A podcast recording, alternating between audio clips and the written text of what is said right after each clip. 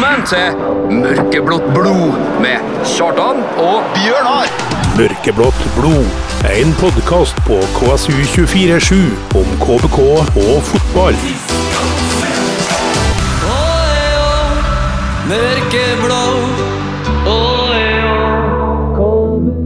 Og der var lyset tent. Ja, det var Det var folk som venta. Det er noe spesielt Bjørnar, med det når det lyset her tennes. Ja, da kjenner vi på nervene. Gjør vi det? Nei, vi gjør ikke. Nei, det er nesten litt for lite. Det skulle vært litt mer, egentlig. Ja. Er velkommen, Kjartan. Velkommen til deg, Bjørnar. Ja, takk. I dag er sendinga Spekka. Den er spekka som vanlig. Ja, ja. Uh, vi, har, uh, vi har noen lyttere som eh, Som er så trofaste at de faktisk har begynt å etterlyse sendinga. ja. Men i dag så Aldri før har ordtaket 'den som venter på noe godt' eh, vært mer gjeldende. Absolutt. Um, vi skal ikke avsløre for mye, for at eh, de, de mest trofaste vet hva som skal skje. Mm. Men uh, vi har en uh, foreløpig ubeseira kar på besøk. Ja. Sitter helt på andre sida her nå. Han gjør det. Uh, han har, driver med litt administrativt. Ja, han gjør det. Strukturert type. ja.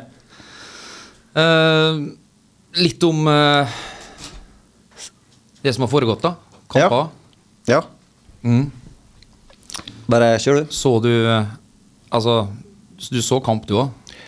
Jeg så ikke. Jeg så Uh, Det var jo nord- engelsk ball framfor KBK, du. Ja, jeg måtte akkurat det, for det var Nord-London Derby. Har det vært noe annet, så Men jeg har jo sett liksom. Ja, jeg vet det.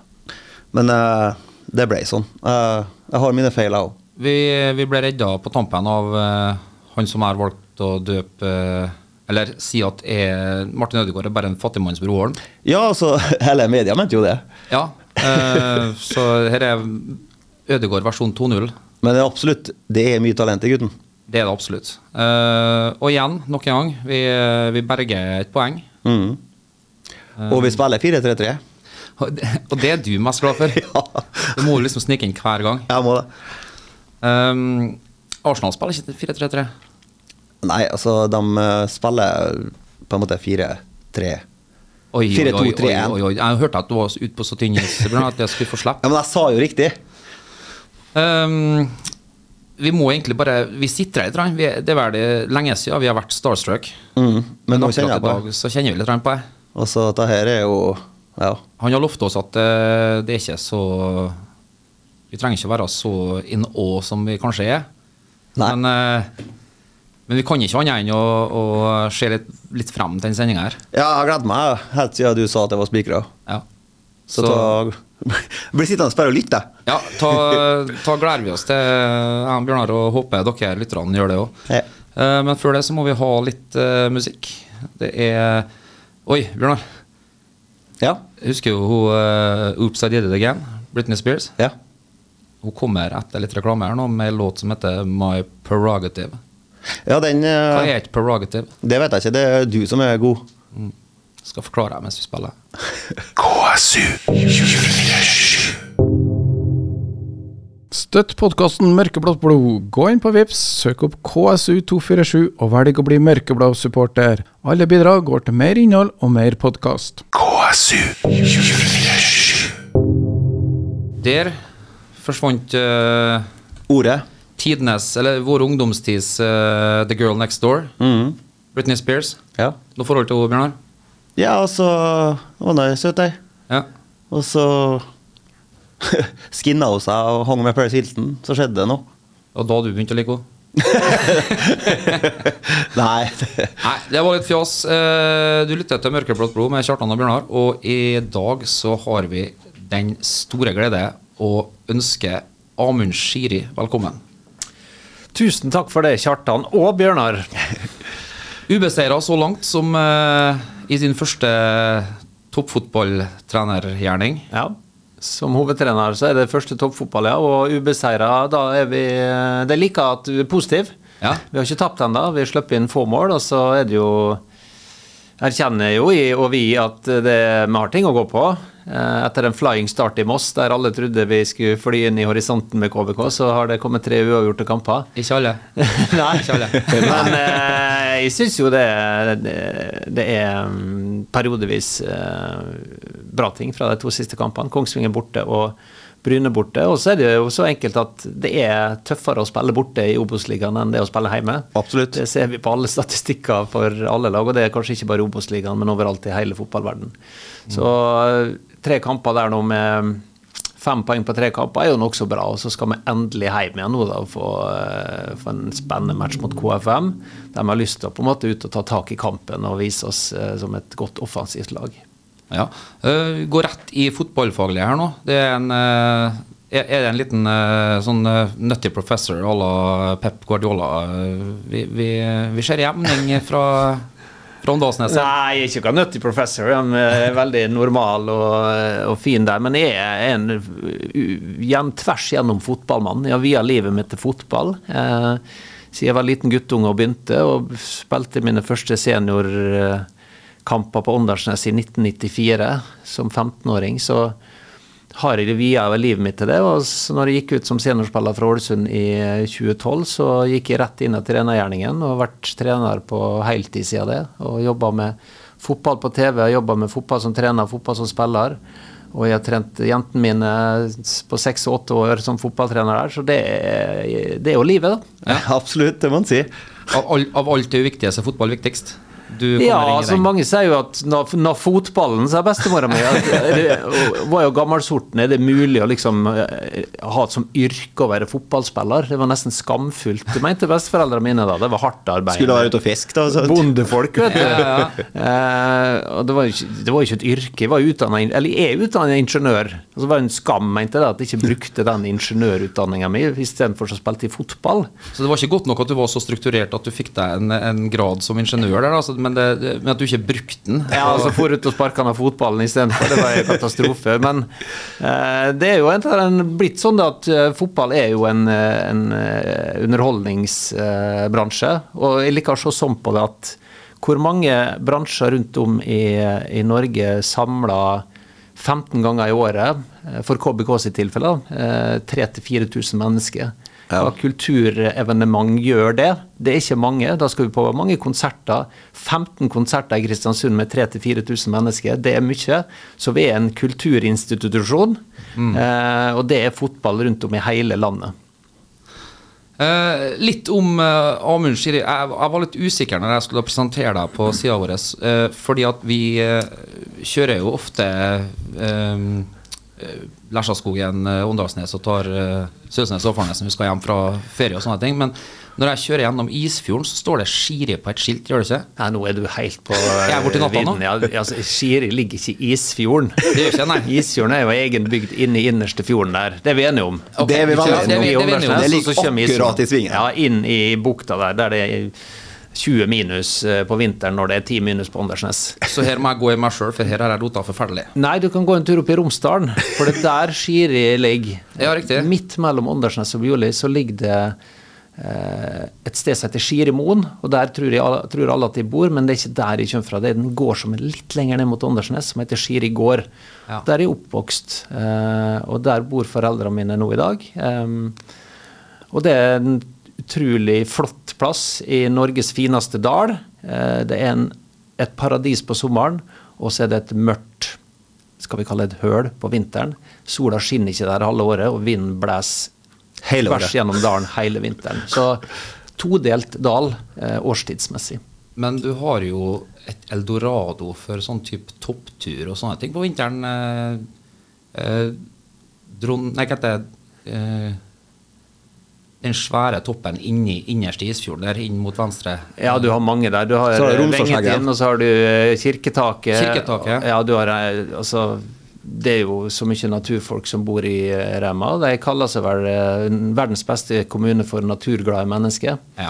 Eh, Men eh, jeg syns jo det var en veldig flott kommune for fotballglade folk. i, da. For jeg for ikke så mye på fjella, men eh, dedikerte meg heller til fotball og idrett, som det òg har vært. Og vi ser jo i dag at en av Norges beste fotballspillere kommer jo fra nettopp der. Leo Skiri Østigård, som eh, er, er derifra. og Jeg så jo det at eh, jeg leste i avisa nå at Sunndal syntes ikke det var så veldig kjekt å være på Åndalsnes og spille kamp. De ba vel om at dommeren skulle blåse kampen av litt tidligere, sånn at de fikk komme seg hjem. Det Eh, siteres tidligere KBK-storskårer Torske, som var Nå, nå får det være bra. ja. Ja. Så det er jo et sånn, et sted å vokse opp og et sted å være, så er det jo eh, et flott sted, da. Eh, I snitt, hvem, eh, hvem sogner man mest mot uh, av det som tradisjonelt har vært toppklubbene i fylket? Uh, Molde og Ålesund, når man er fra Åndalsnes? Det er Molde. Det er Molde? Ja. Det er ikke noe å diskutere, for Molde er, har vært Det er jo et romstar, ei romstartsbygd, eller romstartsby, Åndalsnes, så det er Molde. og jeg var jo svoren Molde-tilhenger i min barndom. Jeg var jo på Molde stadion i 1987 når de tapte gullet mot Moss. Nils Arne Eggen.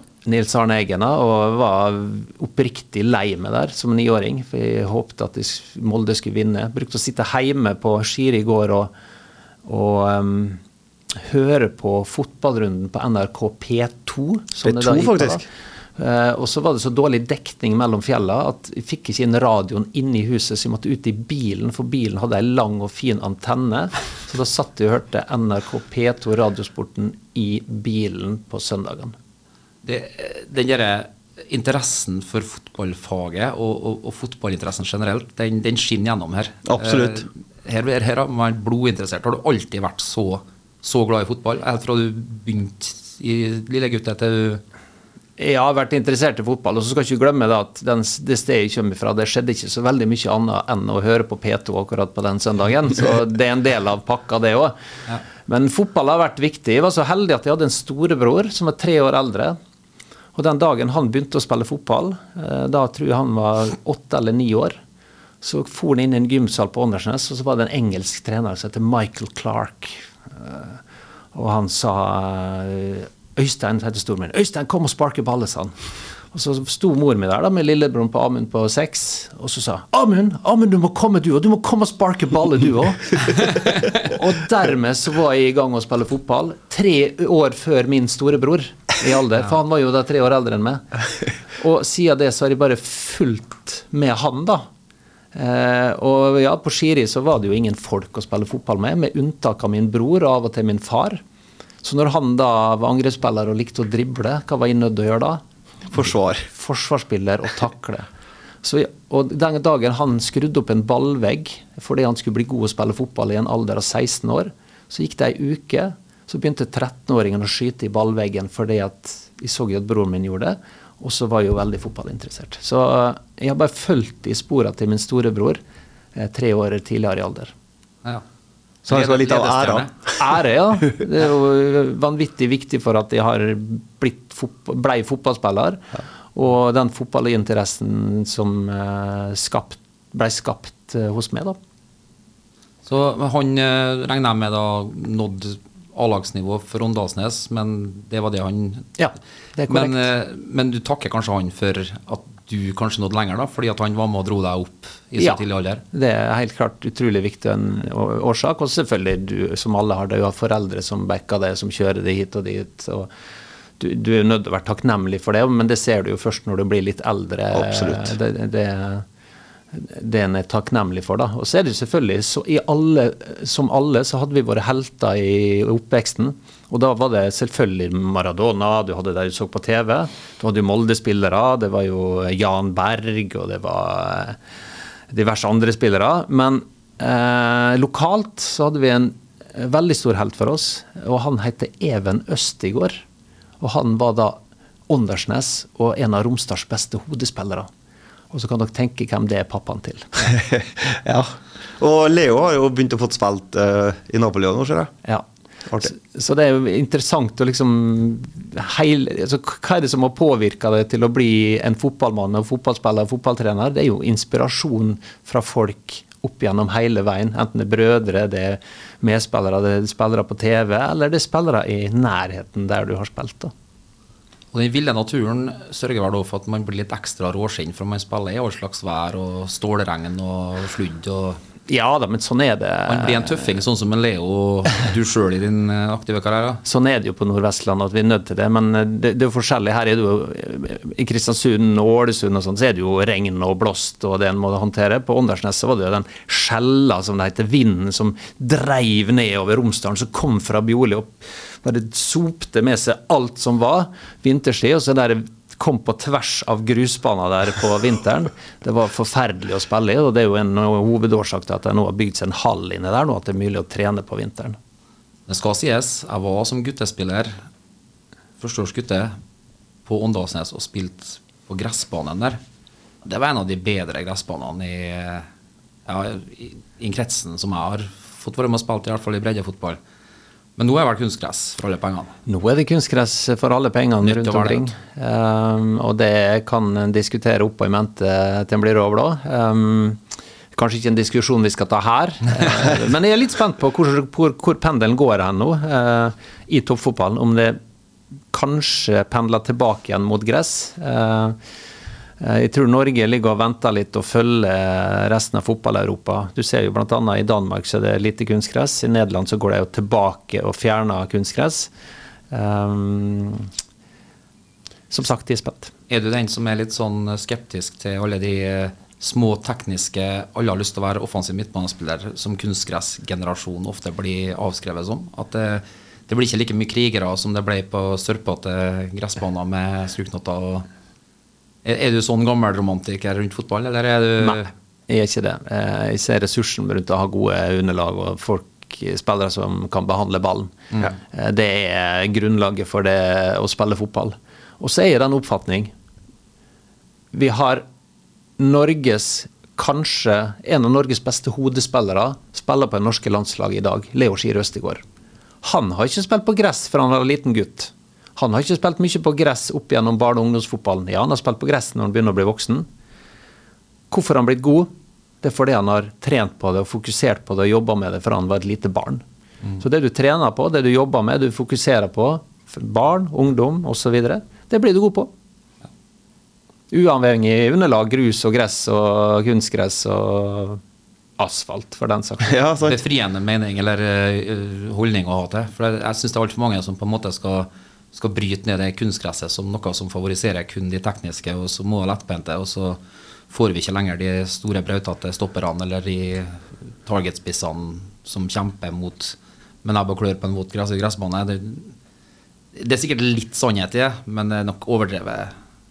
er mitt ståsted. Ja, for jeg tror ikke vi har liksom så mye Det detter vel vekk mer sånn Per Mertesaker. sant? Man må ha fart i, som forsvarsspiller mer og mer, virker det som, da. Moderne stoppere må kunne behandle ballen, de òg. Mm. Det var før i tida at de bare kunne stå bak her og stange. Enig. Nei, vi må ha litt musikk igjen, selv om vi, vi kunne ha prata stikket fullt på det to og tre ganger. vi. Absolutt. Um, Har du fått noe El musikk? Papi, sykepleierinnen. Jaggu. Støtt podkasten Mørkeblått blod. Gå inn på Vips, søk opp KSU247 og velg å bli mørkeblå supporter. Alle bidrag går til mer innhold og mer podkast. Det var Frankie Avalon. Det kan hende. Ja, det var det. ja. Why? Hvordan eh, kjennskap har du? Minimalt. Ja.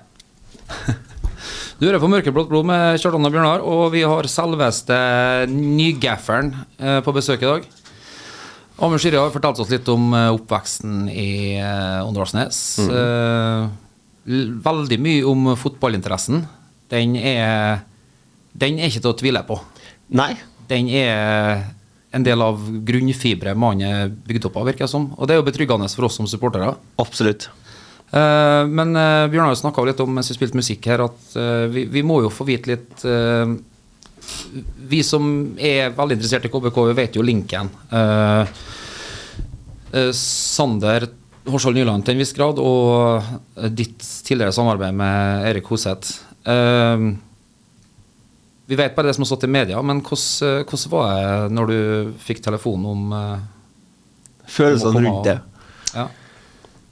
Nei, altså Jeg er jo hjemme, da, og har vært ute av jobb i to og en halv måned, kanskje.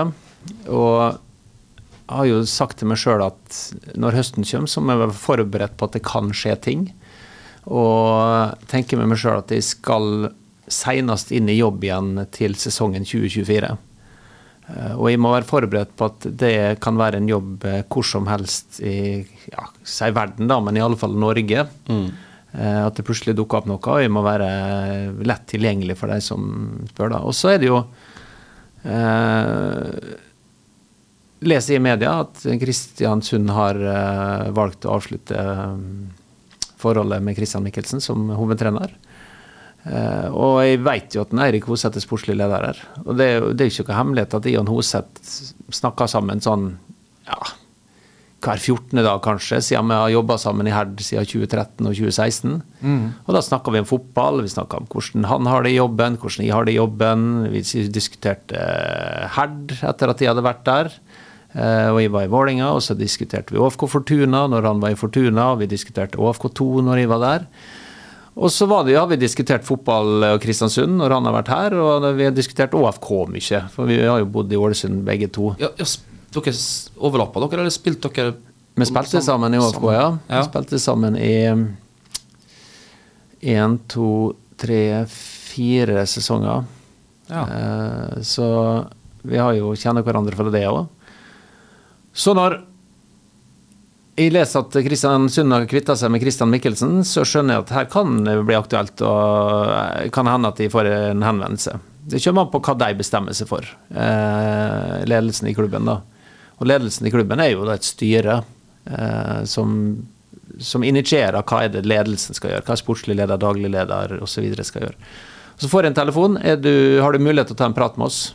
Eh, og med oss så er det Eirik Hoseth, det er Leo Totev og så er det Kjetil Thorsen, som er da den daglige ledelsen i KBK. Ja. Og det de lurer på, er um, For de skal ha en hovedtrener, vil ha en hovedtrener inn raskt. Eh, I utgangspunktet så vil de ha en ut året. Eh, men de lurer jo på hva er det jeg har å tilby. Eh, Eirik er jo nokså Veit jo noenlunde hva jeg har å komme med. Men Leo og Kjetil vet jo ikke det like godt. Vi kjenner jo Leo litt fra før, fordi vi har møttes en god del på fagsamlingen til norsk toppfotball og hatt en diskusjon, og vi har møttes i, i fora her lokalt eh, i fotballfylket Mø- Møre og Romsdal. Så han kjenner litt. Jeg regner med at dere to er ganske kompatible personligheter, ja, for han jo er en veldig, veldig oppi fotball, fotballmann. Ja. Så det, det er ikke nye relasjoner, men Kjetil Thorsen har ikke hatt eh, noe med å gjøre før, da. Eh, Så blir det å sitte og diskutere litt hva er det de kan komme med, og så har de en bestilling, hva er det de ønsker fra en ny hovedtrener. Og så ender det med at eh, de lurer på om vil du komme opp og ta laget i morgen. Um, vi har kamp på mandag, um, og ta deg ut året i første omgang. Uh, og da um, tenker jeg som så at det er fint, fordi at jeg har jo ikke jobb. Uh, KBK er en spennende klubb i en spennende situasjon, med tanke på at en kjemper om å kunne rykke opp til Eliteserien. Eh, og jeg har følt meg veldig klar for å bli hovedtrener på et høyere nivå, eh, etter å ha vært hovedtrener for ÅFK2 i fire og en halv sesong. Eh, nå siste sesong i Post Nord-ligaen. Så det var egentlig det som skjedde, og da mm, ble jeg enig om at der ble, Vi ble enige om at de måtte komme opp på fredagskvelden og lede treninga på lørdagen og søndagen og kamp på mandag. Um, og da med tydelighet at når jeg kommer inn, så kommer vi til å spille, legge om til 4-3-3. Vi må finne roller til spillerne. Um, vi må ut allerede på dagen og prøve å, å sette mitt preg på det eh, allerede inn mot kampen mot Moss da to dager etterpå. Eh, og så er det sånn at jeg har jo veldig lyst til å reise til Kristiansund veldig fort. Eh, problemet mitt var jo da at jeg hadde allerede lovt meg vekk med jentene mine til at de skulle få være med i en barnebursdag eh, fra fem til sju den ettermiddagen. Og det kunne ikke svikte som pappa. Så da måtte jeg sitte på en barnebursdag fra fem til sju med deg. mens eh, hodet mitt var i Kristiansund og i KBK. Eh, og så når jeg fikk deg eh, hjem og så videre, så kunne jeg ta turen oppover til Kristiansund. Eh, jeg ringte og snakka med Sander Nyland veldig lenge, eh, som var en kjempeviktig ressurs, og en, og han er en kjempeviktig ressurs for klubben, for meg som hovedtrener. og det hjalp veldig med tanke på inngangen til første trening og første kamp. Hva tanker har du rundt den der at det skjer kanskje at det er et generasjonsskifte? Gjorde det ekstra spennende? Jeg tenkte ikke så mye på nettopp det, annet enn at KBK er i en posisjon der jeg kjemper om å både kunne rykke direkte opp, men òg kunne rykke opp gjennom kvalik i Skyen. Og sette mitt preg på det. Så det her tror jeg på. Jeg tror på at vi skal spille på den måten her. Vi skal legge om til et firebacksystem. Eh, og så må jeg finne roller til alle spillerne, og så må vi trene på det jeg tror på. Mm. Eh, sånn ønsker vi å forsvare oss, sånn ønsker vi å angripe. Og så må jeg bare jobbe så godt de kunne de to første dagene inn mot første kamp. Og så kommer det en ny treningsuke inn mot kamp to, og så har det jobba vi sånn videre og videre. Um, jeg kommer jo fra en bakgrunn som fotballtrener som, der jeg har utvikla unge spillere, og har sett hva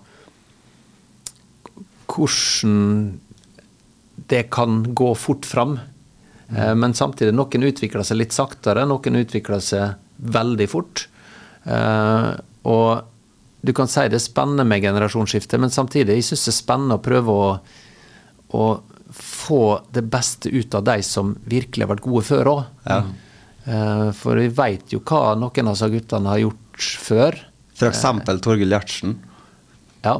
Eh, og han og Jeg merka jo at de, alle de har vært veldig mottagelige, veldig sultne, veldig hadde hatt et sterkt ønske om å gå ut på hver trening og vise seg fram og utvikle seg og, og prøve å få til det som jeg prøver å formidle til deg. da. Eh, og så har du jo de unge spillerne som Eh, er kjempespennende å jobbe med, som du gradvis skal utvikle. Og alle vet at eh, ta f.eks. Max Williamsen og Marius Olsen har mer utvikling igjen i seg enn Dan Peter Ulvestad. Mm. Men det er fortsatt kjempespennende å jobbe med begge to her i nuet. Mm. Og så det er klart at eh, jeg vil nok ha større påvirkningskraft på de to yngste enn den eldste. Men for meg å prøve å få det beste ut av den eldste av de guttene der òg, det er like viktig som å få utvikla de yngste. Blir det litt som, som at uh, det blir et teamwork mellom deg, der du får, som du sier, har mest uh, å påvirke de unge, mens du bruker selvfølgelig det å ville ha en Dan Petter i sin best mulige form, men han blir da den som påvirker dem spillmessig i utviklinga, det som du ikke kan ta av som trener? Ja, altså De vet jo hva som kreves i toppfotballen, med tanke på hvor, hvor profesjonelle de må være, hva som kreves av kulturen, hvordan ta vare på kroppen. Eh, de har stått i en del tøffe matcher før. Eh, men det at Nå kommer det jo en ny stemme inn, og jeg har jo et ønske om å spille på den måten jeg tror på. Og for deg så er jo det nytt. Eh, og det er jo spillere som har hatt én trener i veldig mange år nå og plutselig så kommer det en ny stemme, en ny måte å tenke fotball på. Det er jo spennende for deg. Mm. Så for meg å få de eldste spillerne, da, da eksempelvis Dan Peter, Hopmark, Gjertsen, Benjamin Stokke, Sean McDermott eh, osv. Få dem til å ta eierskap til lagets utvikling i den nye måten å spille på, er utrolig viktig. For de er støttespillere for oss i trenerteamet i det å få det her inn i laget. Vi kan ikke stå som trener alene og få det her inn. Vi må ha med spillere som har vært med før, som vet hva som kreves i toppen for å kunne bli god.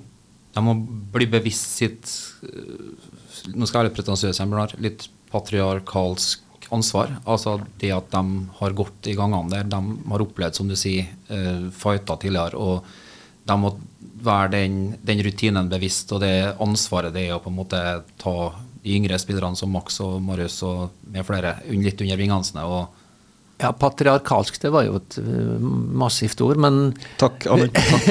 det, det, det, er jo fremmedord som vi ikke bruker. Men jeg er patriark, da tenker jeg på paven. Men, eh, le, altså, lederskap altså, Så guttene her har jo et lederskap i form av typene de er. En er jo kaptein, og de har stått i mange år. Og de ønsker å være ledere på hver sin måte i gruppa. Og lederskap kommer med et ansvar. Du må vise vei. Du må være en som står fremst eh, når du snakker om eh, treningskvalitet, treningskultur. Hvor profesjonell er du eh, utafor banen, på banen? Hvor lærevillig og utviklingsorientert er du når det kommer inn en ny stemme en ny trener? Så jeg digger å ha ledere i laget, og så har de fått beskjed om at det kommer med et ansvar om at dere må stå og være med og drive dette her. Det, det, det er så artig at du skal si det med, med at du har, kommer jo fra en bakgrunn der du har fått flere unge spillere, både fra Herd sikkert og videre gjennom bylag, som du sier, og, Ålesund og yngre, eh, inn på diverse U-landslag og, og den biten der. For jeg har en veldig god kompis som vi prates litt av og til, og gjerne om KBK, da, og da sier han liksom ja, hva tror du om trenerskiftet? Og så sier jeg nei, det, det måtte han nok sikkert til, vi, vi sto og stampa litt. og og så sier han, liksom, men jeg vet ikke, han er jo ubeskrevet. Ja, men, altså, men han er sikkert sulten. Og så sa han en annen ting. Han, har, han har erfaring med å utvikle unge spillere. Og jeg, jeg skjønner jo at du må jo, som du sier, du må, det er en balansegang der med de, de rutinerte og de unge. Men jeg tror jo når en klubb går mot et slags generasjonsskifte her, da øh, det, det er godt å få en som er god på man managing. For jeg har en tanke om at det er viktig i dagens fotball, når du ser på toppfotballen ute i Europa med Klopp, Pep og Arteta. Ja, ja de er både eh, autoritetsfigur i form av far, de kan være en storebror, de kan være en tullete onkel til en. Altså, du må på en måte kjenne de forskjellige og behandle dem sånn som de Hva de trenger. du må komme nært innpå personene, spesielt unge spillere, tenker jeg. Og når han sa det, så tenkte jeg sånn, det er et godt poeng. Det er jo det vi trenger. For vi, det gror jo godt i KBK. Selv om vi ikke skal glemme de fordoms storheter som har, som har gitt oss eh, eh, så mange fine opplevelser i Eliteserien, tenker jeg på. Så, Absolutt. så, så er den yngre garde som kommer, de må på en måte næres som Mm. Nei, men du er inne på noe her, og det, det å uh, utvikle unge spillere er jo Jeg tror jo oppriktig på det at du må bygge en relasjon til de du jobber med som trener. Eh, Jeg tror ikke lenger på den der ovenfra og ned-lederen, og det er en litt sånn respekt og frykt for treneren sin. Eh, Du, det var Martin Ødegaard som sier det. Du får respekt med fotballspillere på to måter. Det ene er hvordan du behandler folk. Det andre er hvor fotballfaglig kompetent du er. Og det tror jeg oppriktig på. Og jeg må jo få en ung spiller som jeg skal hjelpe å utvikle, må jeg jobbe hardt for å få tilliten til. Og han må kjenne innerst inne at treneren min, han vil mitt aller beste. Han vil meg godt. Og når jeg har klart å skape den plattforma, så kan jeg stille så høye krav som jeg bare vil til å utvikle han. Så lenge han veit det. Han føler seg trygg. Ja. men Mens det gjelder jo alle. Og, og det er jo ikke og det er jo ikke til å misforstå at det er en, en trener en leder som vil en, en spiller, personen, godt eh, og bryr meg om personen. Det var heller det at jeg tror oppriktig det her er nøkkelen til å utvikle hver enkelt spiller best mulig. Eh, og så er jo, jeg har, jeg har jo tre ord som jeg jobber etter. Det ene er jo relasjon. At du må jobbe knallhardt for å bli bedre kjent med hver enkelt. Hvem er de? Eh, sånn at de føler seg trygge på det, og at du vil deres beste. Det andre er krav. Du må stille knalltøffe krav. Hva er det som kreves for å bli toppfotballspiller? Fordi at ja, da Peter vet det. Så han trenger, jeg må stille krav til han opp, men på en annen måte. Men en tenåring har ikke opplevd det ennå. Mens jeg vet hva som kreves, og det er jobben min å få han til å utvikle seg fortest mulig. Så kravene må stilles. Og til, til sist så er målet mitt at de skal bli så selvstendige at de klarer å drive seg sjøl. ja. Men på veien hit så plutselig så har jeg stilt så tøffe krav at jeg mista litt av relasjonen. Da må jeg bygge relasjonen igjen. Eh, eller at eh, jeg ikke har stilt, klart å stille tøffe nok krav til at han her har ikke blitt selvstendig nok ennå. Og da må vi jobbe med å få han sjølgående til å drive sin egen fotballkarriere. Men de beste spillerne som kommer opp, blir jo Ta en Martin Ødegaard, da. Eh, Som nå har gått mange år ute her jeg kommer ikke her og fortelle meg at det er en trener som driver hans i fotballkarriere. Han driver sin egen fotballkarriere. Eh, og så er treneren eh, lederen hans, men òg en hjelper og en som leder laget. Men Martin er et enkeltpersonforetak som er med og leder dette greia der sjøl. Kan vi, kan vi si at, som du sa i sted, at du, du har ikke trua på den, der, den, på 90-tallet hvor eh, Sir Alex Ferguson nesten ikke trengte å være nede på feltet engang. Han hadde coacher som gjorde det, men når han kom inn i garderoben før kamp, så var æresfrykten som gjorde at de eh, var det da sånn at de måtte bygge relasjoner når det, når sprakk med noen stjerner, mens i dag så er det motsatt, som du sier. Eh, modellen er vridd på hodet, at du må bygge relasjonen sånn at folk stoler på deg, og så kan du stille de harde kravene. Jeg tror det. de har kravene som at de bygger relasjoner når de sparker fotballskoene i hodet på en Beckham, eller Ja, Det kommer jo litt samtidig, da, for jeg, kan ikke gå inn på dag én og, og bare stå og bli kjent med folk. Jeg må jo stille krav fra dag én. Klart, det det bygges jo eh, samtidig her. Eh, og det er jo et kontinuerlig arbeid uh, som, som aldri tar slutt. Men uh, jeg, jeg vet ikke hvordan Alex Ferguson gjorde det, jeg vet ikke hvordan det var før. Uh, Det eneste jeg vet, er at jeg hadde en trener eh, som heter Ivar Morten Nordmark i sin tid, som var en, den første og en av få trenere som eh, var en verdibasert leder. Han hadde jobba etter tydelige verdier. Han så hele mennesket. Han skapte en kultur der han brydde seg om folk. Eh, samtidig så fikk eh, enorm, fikk en enorm respekt for personen for det at han han, han behandla så mange folk på lik måte. Det kunne komme en eh, Altså Kall det en person da som var eh, blant byens løse fugler. Kunne komme opp på Kråmyra, og så kunne han tenke 'Å nei, kommer han nå', og skal vi Uff, må vi håndtere dette der?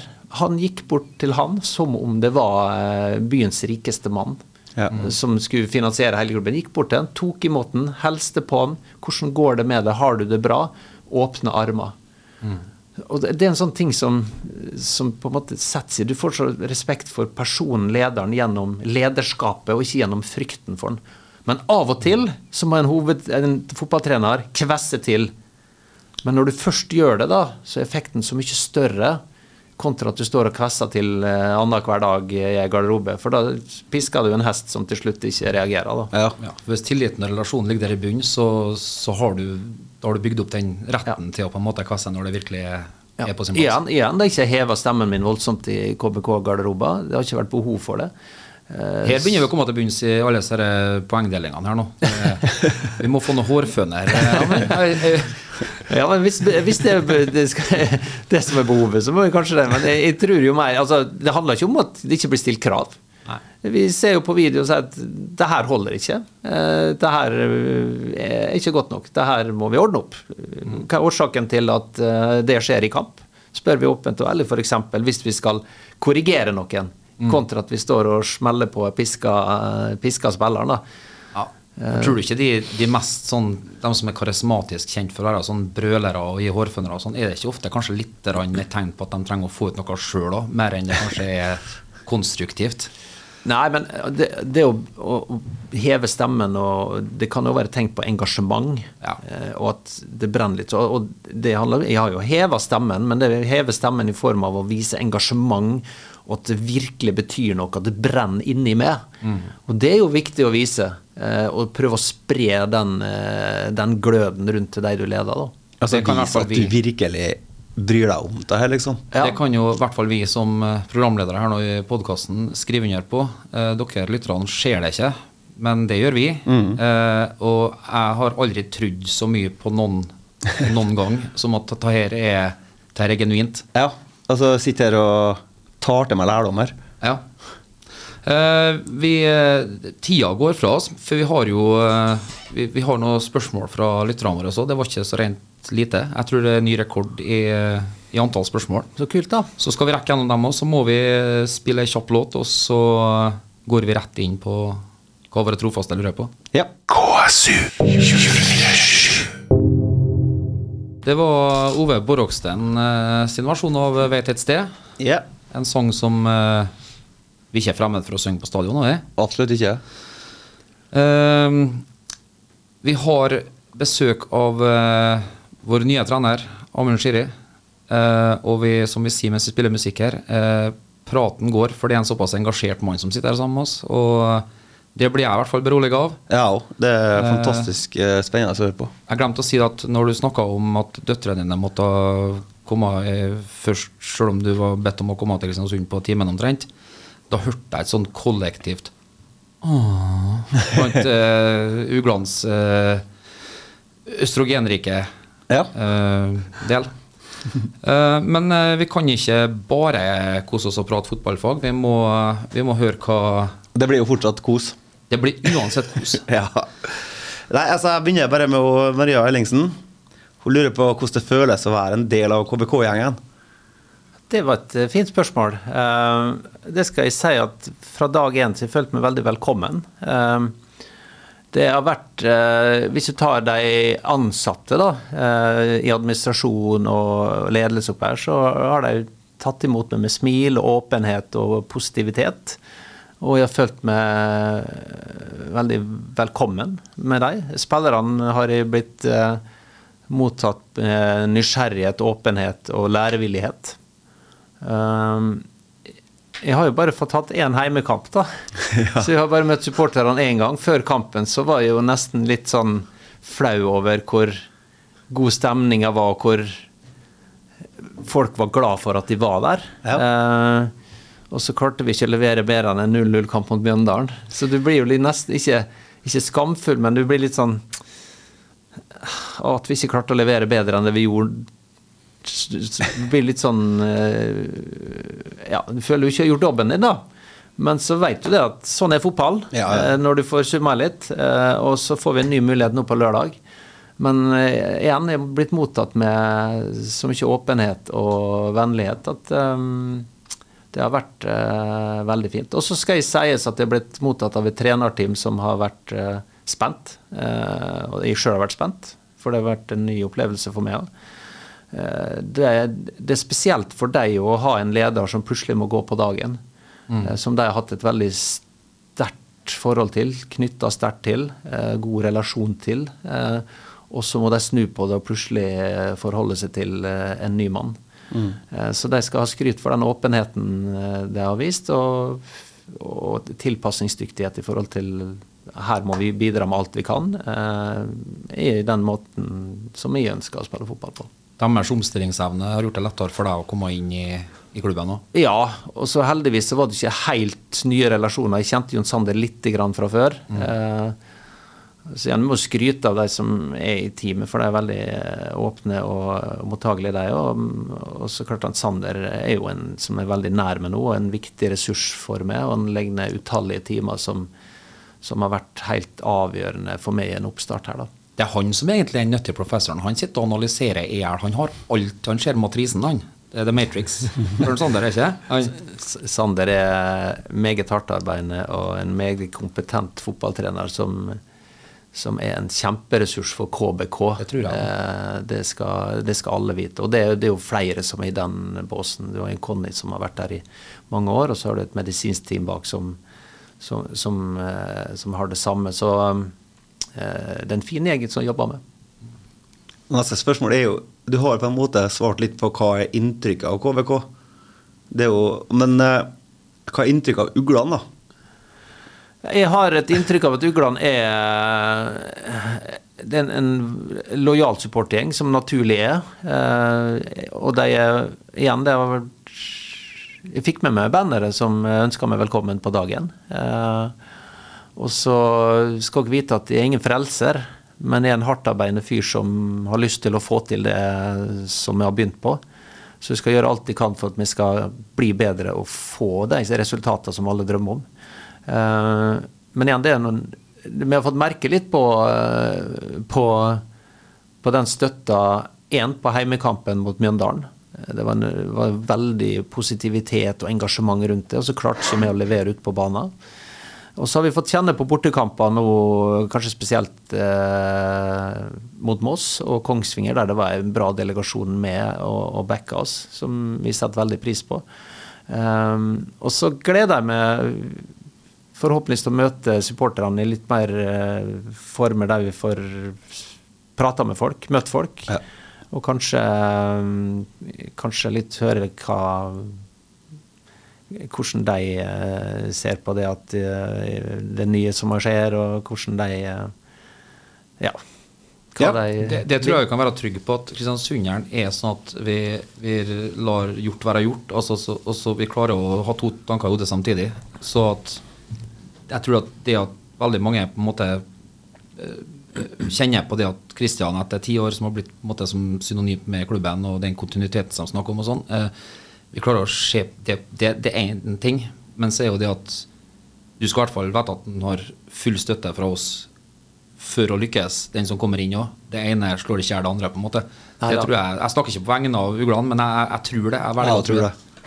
Og det er jo um, sånn fotballbransjen er, da. Eh, og så er det jo Det skal ikke vi snakke noe om det, men jeg håper at det ordner seg med med, med Christian og klubben på, på at det gjøres en avtale som gjør at en, en bør forlike det her. Ja. Uh, men det er jo en helt unik prestasjon, det som Kristian har gjort med KBK. Og det å stå så lenge i en trenergjerning tilhører de ytterste sjeldenhetene, da. Um, så du går jo inn i en jobb med tanke på at du vet du hopp, hopper etter virkelig, for å si det sånn, men du, du jobber nå i bakkant av en veldig dyktig og suksessfull trener. Ja. Um, som jeg sjøl har hatt et veldig godt forhold til før. Um, jeg har ikke snakka med han ennå etter at han gikk ut. Uh, men jeg håper jeg får gjort det med tida. Um, ja. Ja. Og så Edvard Varvik. Hvis du blir forespurt ny kontrakt på nyåret, takker du ja? Det var et konkret spørsmål. Jeg skal svare så Uten konkret Uten summa kan. eller noe? Ehm, tre parter som må, må svare ja på det. Det ene er KBK som klubb. At de mener at jeg er the man for Mm. framtida. Det andre er meg sjøl. At eh, kjenner at dette er noe jeg virkelig vil. eh, Og dette er tingen for meg som fotballtrener. Og så sitter en gjeng, eh, ei kone og to jenter på seks og åtte år som savner pappaen sin litt i øyeblikket. Ja. eh, Der de sitter oppe i Kristiansund. Men de må få være med å bestemme. Og vi er jo, jeg er jo ikke bare meg sjøl. Ei skjorte og en bag. Jeg er en familiemann. Eh, og det betyr mye for meg at eh, vi får en løsning som passer for deg. òg. Så de tre partene må eh, være enige om at dette er tingen. Vi ønsker resten av familien Skiri hjertelig velkommen til Kristiansund. Ja, det Absolutt. skal jeg formidle til deg. og så er Kristina Hønseth. Eh, og så Hun lurer på hvilket lag i England og Premier League du holder med. Ja, det er jo enkelt å svare på. Det er jo Liverpool. Det er Liverpool. Jeg er født i 1978.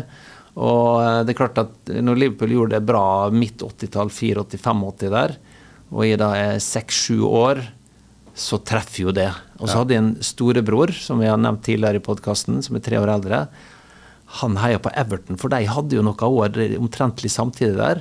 Så klart Liverpool-fan og Everton-fan eh, som er brødre, det passa veldig fint. da. Hvem var Amund Skiri som sto og banka ball på den, den målveggen som ble bygd opp der da? Var, det- Og jeg kunne være mange. Jeg kunne være, det var selvfølgelig Ian Rush, og du hadde Kenny Dalglish, du hadde Sammy Lee, du hadde Mark Lawrenson, du hadde Alan Kennedy. Noter.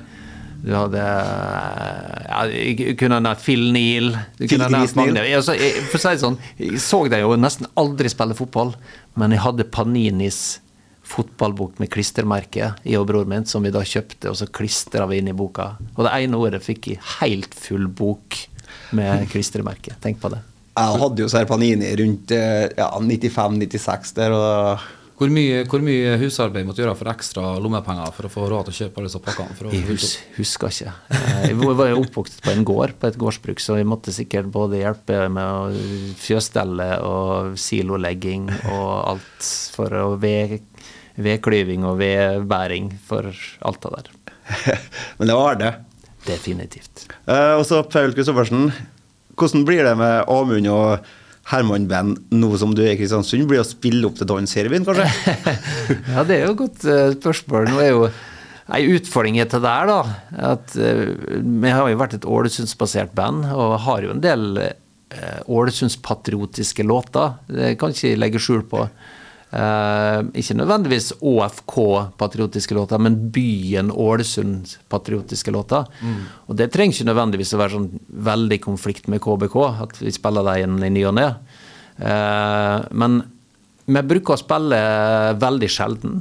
Vi spiller én konsert i året, og den eh, spiller med siste helga før jul i Ålesund. Eh, så vi har ikke planlagt noe annet konsert enn det. Så det må jo komme en henvendelse da i tilfelle, hvis det er noen som ønsker at vi skal spille her på Nordmøre. Men jeg må få lov å endre mindsetet litt, for eh, jeg kjenner meg igjen i det som du sier, at vi synger Ålesunds lokalpatriotiske låter om Ålesund både som by og Eh, men det er ikke noe på konflikt. Vi kristiansundere vi liker folk fra Ålesund. Vi, altså. Ja. altså, vi har ingen problemer med Ålesund. Vi har er bare over fjellet, der som vi kanskje må redigere ut fra tidligere i sendinga her, hvor, eh, hvor, det, hvor det er litt mer eh, grus i maskineriet. Men, eh, men sunnmøringene, uh, ålesunderne, har vi alltid hatt Ja, forhold til. Det hadde vi når vi Det er sjøfartsby, både Kristiansund og Ålesund. vet du. Ja, men det er jo en krangel om den der klippfisktronen, da. Som er, sånn jeg har forstått Kristiansund er jo klippfiskbyen, og så har det kommet noen sunnmøringer og på en måte tilrøva seg litt at eh, vi skal være klippfiskbyen her. her. men de skal få lov til å være- Hvem er det som er klippfiskby, egentlig? Vi kan dele på det. Det er greit. Det er ikke så farlig? Eh, Nei, vi er ikke, vi er ikke så Altså, Bacalaoen blir vår. Ja, den ja, den skal vi ha.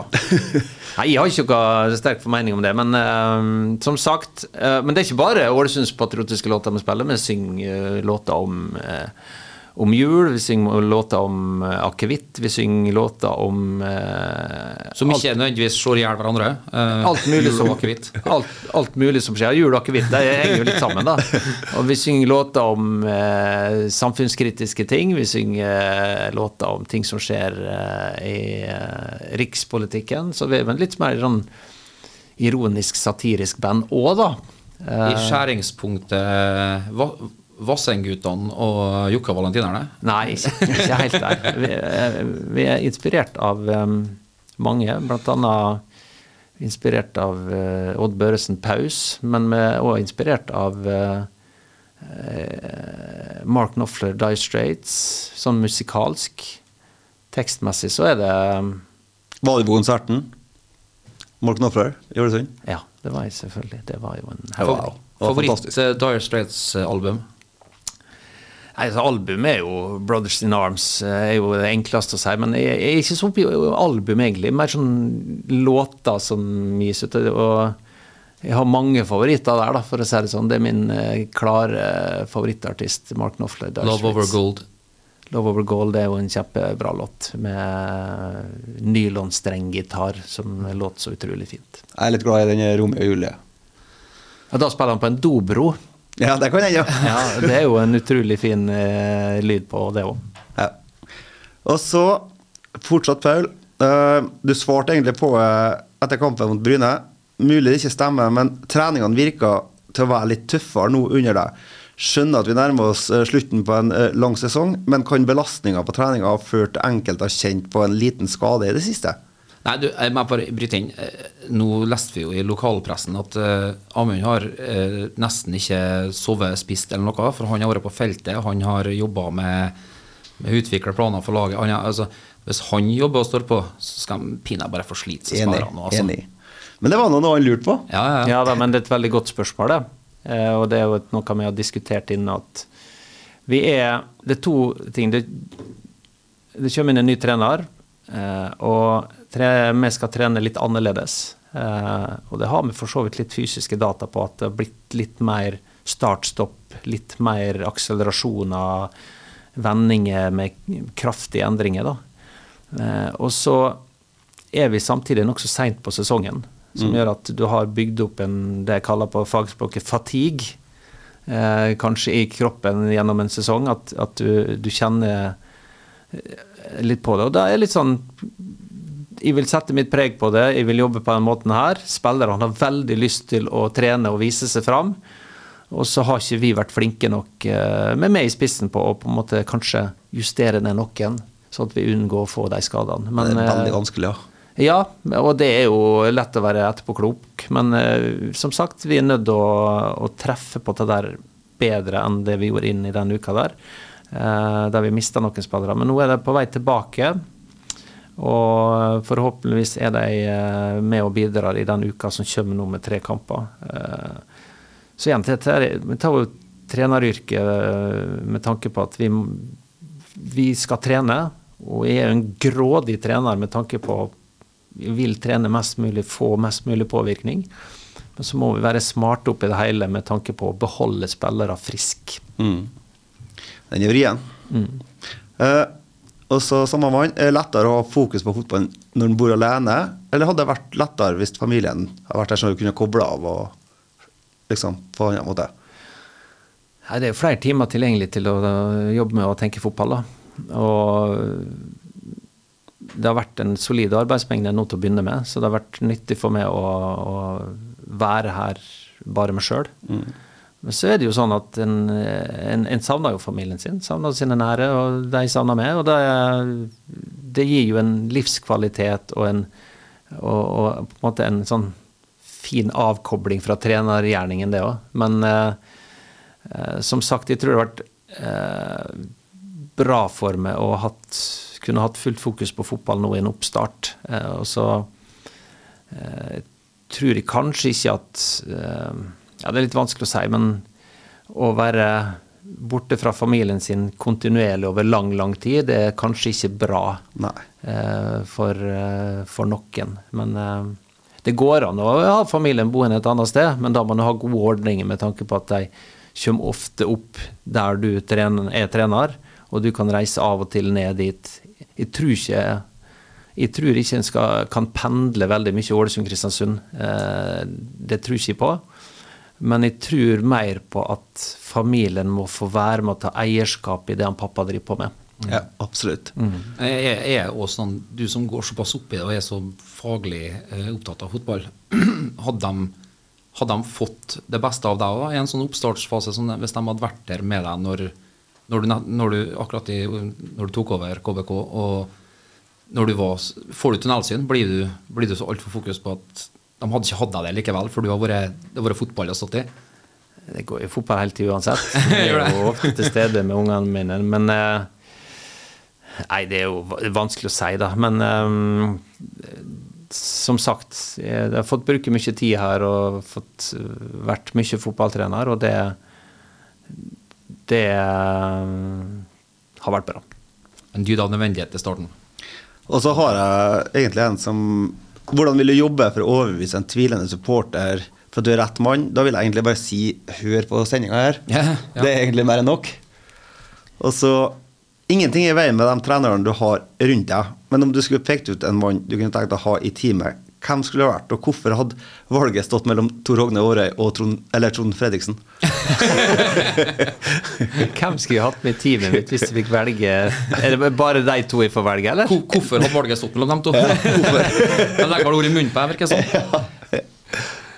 Ja, Jeg så jo nå at Trond Fredriksen fikser faktisk, faktisk et gult kort, han. Og han eh, sikkert kjefta litt på en Vålerenga 2-kamp nå for to dager siden. Så han er jo en hissigpropp. Eh, Jeg har bodd med en Trond. Eh, Jeg har spilt fotball sammen med Trond. Jeg har studert sammen med Trond. På en periode så bodde vi sammen, studerte samme studie og spilte fotball sammen. Vi dro på ferie sammen. Så klart vi brukte jo alltid sammen. Så han eh, veit jo hva han står for. Så, men samtidig han Tor Hogne tror jeg ville ha komplettert med som person bedre, for han er en annerledes, litt mer annerledes tenkende fyr. Bakgrunnen hans som fotballspiller var at han eh, han skulle jo signere for ÅFK. Han eh, tror det var på slutt 90-tallet. HFK var i førstedivisjon. Og han sto klar med kontrakter. Eh, eh, men så Nei, jeg gidder ikke å signere, jeg drar heller på interrail. så det, der endte han da i sin tid, fram til han da etter hvert for en tur til Rosenborg og eh, ble skada og hentet noen Champions League-kroner. Fikset innhold på Santiago Bernabeu, eh, faktisk. Den ene Champions League-kampen han fikk.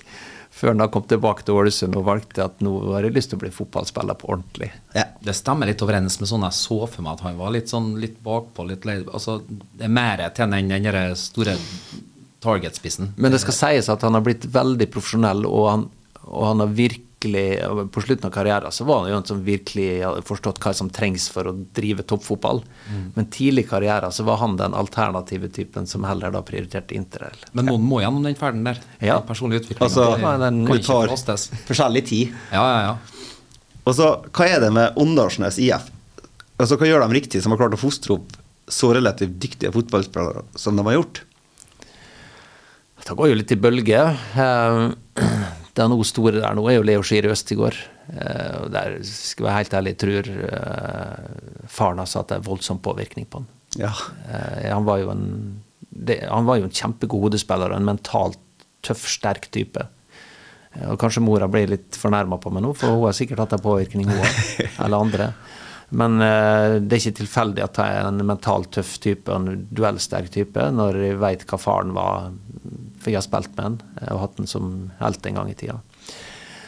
Grunnen til at det kom noen spillere her i sin tid, var jo at det ble en miljø og en kultur. Jeg var jo svinheldig på midten av 90-tallet. Kom opp som 15-åring, og så får du plutselig eh, rykka ÅFK, nei, ÅIF sitt A-lag opp til førstedivisjon, nivå to i Norge. Samtidig som jeg da fyller 16 år og blir tatt opp i A-stallen.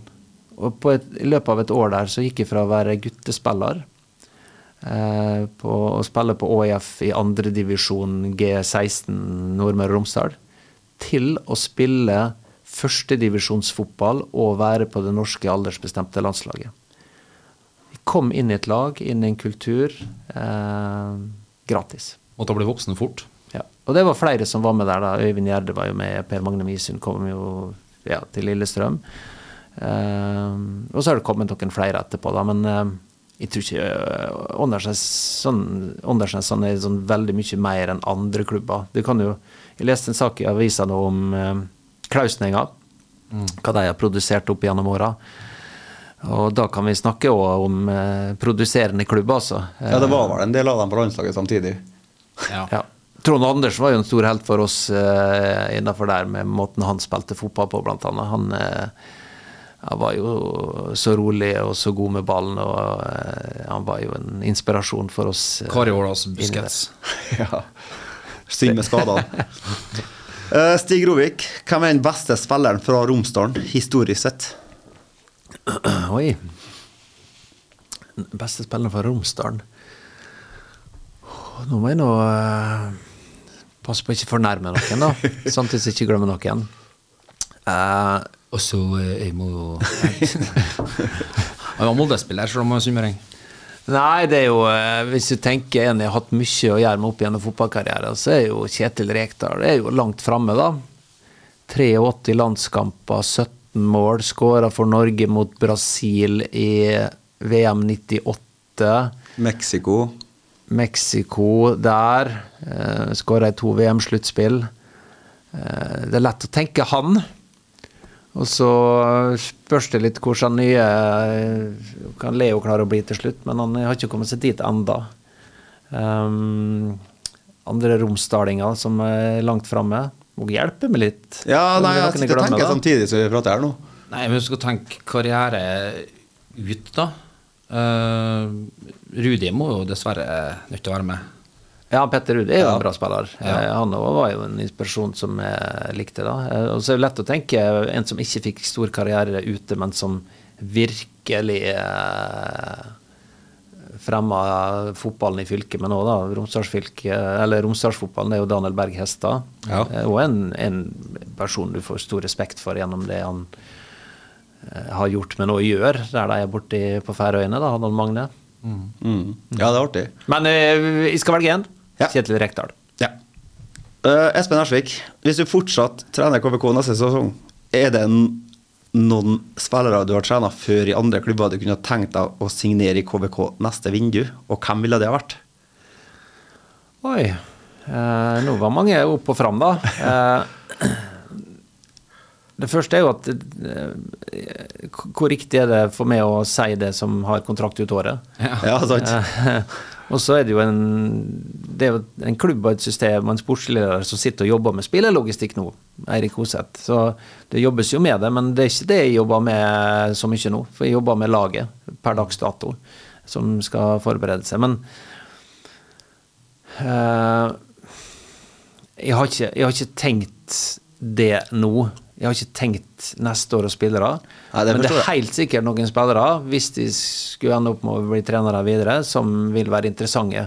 Så, så må ikke glemme det at jeg har trent mye unge spillere. Det er akkurat det. Eh, men så var jeg jo assistenttrener i Vålerenga ett år.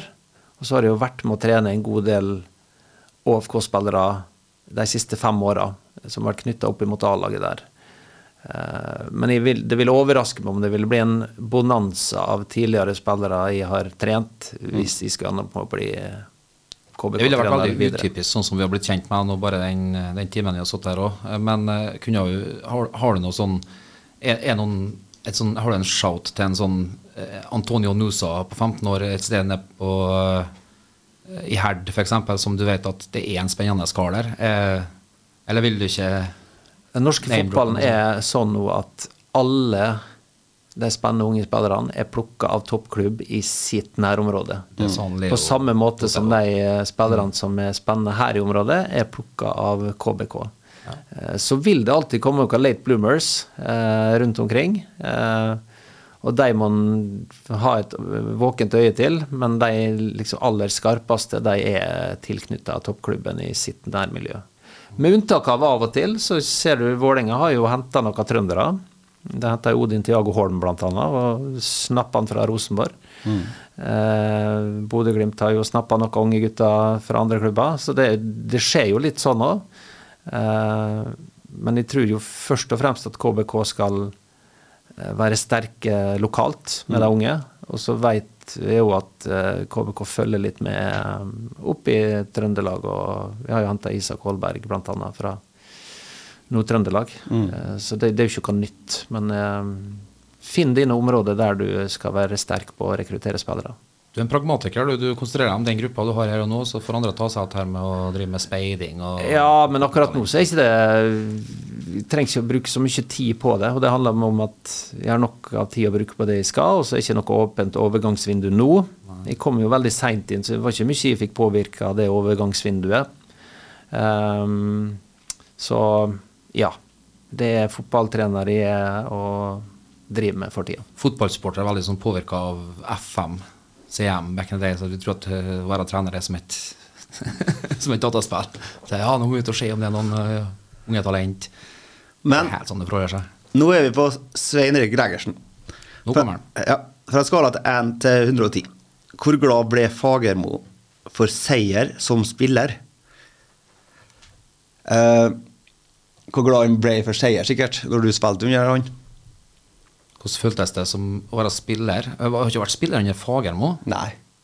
Jeg har ikke vært spiller under Fagermo. Nei, jeg vet ikke helt hva Men Grego eh, eh, han har litt utfordringer rent eh, tekstmessig, så det kan hende at vi misforstår han litt. Så vi Ja, men det, da retter vi på det, og så. Ja. hører vi venn senere.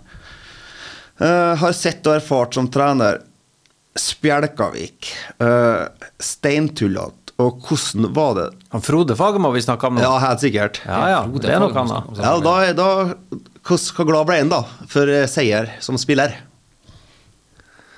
Uh, nei, Frode han er så mye følelser i, og han, han enten så er det inni gampræva, hesteræva, dritbra, eller det var steikende, hakkende elendig.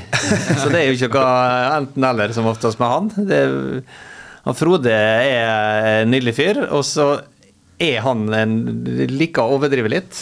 Og så når du kjenner han litt, så kan du òg ta han litt. Frode, nå overdriver du. Sånn var det ikke. Nei, det, det har du rett i, men jeg liker likevel å gjøre det. Ta en nordlending for at han overdriver. Ikke det er liksom å være sint på en hund for at han bjeffer? Altså, det er litt Nordlendingen skal vel være stor i kjeften og overdrive litt, skal han ikke? Ja, ja, nei, jeg liker å kødde med Frode når jeg møter han, at eh, når han kom til OFK som spiller, så introduserer seg sjøl. Frode Fagmo er rask, er sterk, er utholdende, er god til å drible, er skyter som en hest med begge bein, er kasta langt. Han kunne alt. ja. Så det, 20, 20, det bruker jeg å kødde med, med, da, men så sier han det stemmer ikke, det stemmer ikke. Jo da, sier jeg. Og så hvordan var det den kvelden Hoseth avgjorde mot Odd? Du, den kvelden eh, eh, satt i leilighet i Oslo og var Vålerenga-spiller. Eh, og av alle ting så satt de sammen med min gode venn eh, som heter Stig Ove Sandnes. Eh, han har vært i Vålerenga og Tromsø. Han er opprinnelig fra Åndalsnes, han òg. Eller Veblingsnes, da, men Åndalsnes. Og jeg hadde faktisk på meg ÅFK-drakt og heia på ÅFK når det var åpningskamp på Kalleland stadion. Så Hoseth flaks. Det var så svinflaks av en Hoseth. Ja, det har vært borti Hoseth-flaks ved å røyke 3-2 i cupen. uh, og siste, hvem er gærnest av Nordmark og Johan Sætnes? Det var et interessant spørsmål. Nei, det er jo eh, det er jo eh, typer på hver sin måte, da. Eh, Nordmark er jo sitatmaskin, og det er jo en eh, Kan ha jo en sånn karisma rundt seg som er helt unik. Som er, det er den treneren som har påvirka meg definitivt mest i min fotballkarriere. Iallfall i voksen alder. Mm. Eh, Johan Setnes var jo den mannen som tok meg opp i Andersen sin Asdal som 15-16-åring. Um, og er jo utrolig eh, artig å høre på. Hvis dere har mulighet, så må dere reise inn på Veblingsnes og besøke ham på vingården hans. Han driver en vingård på Veblingsnes, Nord-Europas nordligste. Han produserer egen vin, har vinkjeller. Der går det an å reise og få, uh, få seg en happening og et vinkurs og vinsmaking. Ispedd fantastisk gode historier fra Johan Setnes. Det var et uh, reisetips. Uh, da hilser vi bare fra Amund Shiri at uh, mm. Amund sa at vi bare skulle ta, ta oss en tur. Ta en tur og ta med oss et eget glass. og så Vi begynner å nærme oss slutten. Uh, Aina sier og det har, har fått svar på det egentlig. Føler jeg godt tatt imot av supporter by. Føler familien seg inkludert i den grad at de kan inkluderes med tanke på avstand og den korte tida du har vært der. Ja, veldig. Og familien min har vært oppe på én kamp. da. Det var jo når det var Mjøndalen-kamp, og de fikk eh, komme inn og, og uh, få seg litt mat der, og fikk sitte på tribunen og fikk, var med i supporterbutikken, så kom de og ga til meg her, du, du må få uh, uglene, mine uglene-jakke til deg og skjerf, sånn at de har når de kommer opp. Og det var jo litt ok når jeg, når jeg var Jeg reiste hjem for det var noen dager siden. Jeg er hjemme til Ålesund. da. Og da spurte hun eldstedatteren min å, kan du, pappa, du må ta med, du med Uglan-capsen. Fordi at hun skulle ha den på seg på skolen. Så hun hadde på seg en Uglan, eller KBK-caps. da. Ja. Eh, og Uglan-jakka si hadde hun på seg på skolen nå i uh, uka som var. Så de er jo stolte av pappaen sin. Ståpels. Det, ja. det, det verves på Sunnmøre. Hvis dere ikke har ståpels, dere som sitter og hører på nå, så skamme seg. Ja. Ja, Da avslutter vi med Espen Hersvik. Uh, får vi flere supporternes time etter kamp i år? Kjartan kan forklare hva det er? Ja, men Du var jo litt inn på det. Uh, du har liksom lengta litt etter Nå har det vært mye on the road. og Du har lengta litt etter å på en måte komme på stadion og kanskje etter kamp komme innom. og, og Det er jo noe som vi som supportere setter veldig stor pris på. Det blir sikkert en del sånn floskel og ja, vi går neste gang og sånt der også, men, men den praten uh, for at vi er en klubb som er såpass familie at vi vil at du skal føle at den er en av oss, og vice versa. Mm. Så, så, det gleder jeg meg til du får oppleve. Eh, ja. Og så er det et tilleggs... Eh, og hvis ja, kan du ta med gitaren fra Slatlands Corner og være med på 'Jeg veit et sted'. Challenge accepted. Vi sender ja, toner og sånn. Få til det på et vis. Eh, jeg har hørt låten mange ganger. Jeg liker den, og så liker jeg jeg liker å i slekt med Måsa. Jeg syns det er en fin, veldig fin låt. Eh, så du snakker språket også? Ja, ja, da, men det handler ikke om at de skal smiske på noen måte. Jeg liker musikken. Ja. Jeg er generelt opptatt av musikk og, og, liker å høre god musikk. Det var ikke helt det siste spørsmålet. Nei, du hadde ikke Jeg har uh, fått et fra en tidligere KBK-kaptein. Selveste godmagutten Jon Erik Klinge. Ja. Uh, han har uh, et firedels spørsmål. Vi skal prøve å gå ganske kjapt gjennom det, for vi må ha litt musikk før vi skal ha drømmelag og en liten overraskelse. Uh, eh, 18.4.2015. Det var rene X-Files-stemninga, hentet fra sunnmørsposten.no, på Amfi Moa stadion da Herd slo KFK 6-5. God kok, vill kamp og ekstremt publikumsvennlig. Angrep er beste forsvar og fullt kjør. Er det slik Amund Skiris fotballag ønsker å fremstå? Og så er parentes da, kan nevnes at det er den eneste fotballkampen undertegnede har spilt som var et morsomt tap. Ja, Det var helt ufattelig 6-5. Jeg husker vi leda 4-1 godt inn i andre omgang, og så dunka KFK tilbake, og så ble det 4-4, og så fikk vi 5-4. Så klarte jeg joggu med å få 5-5 rett før slutt.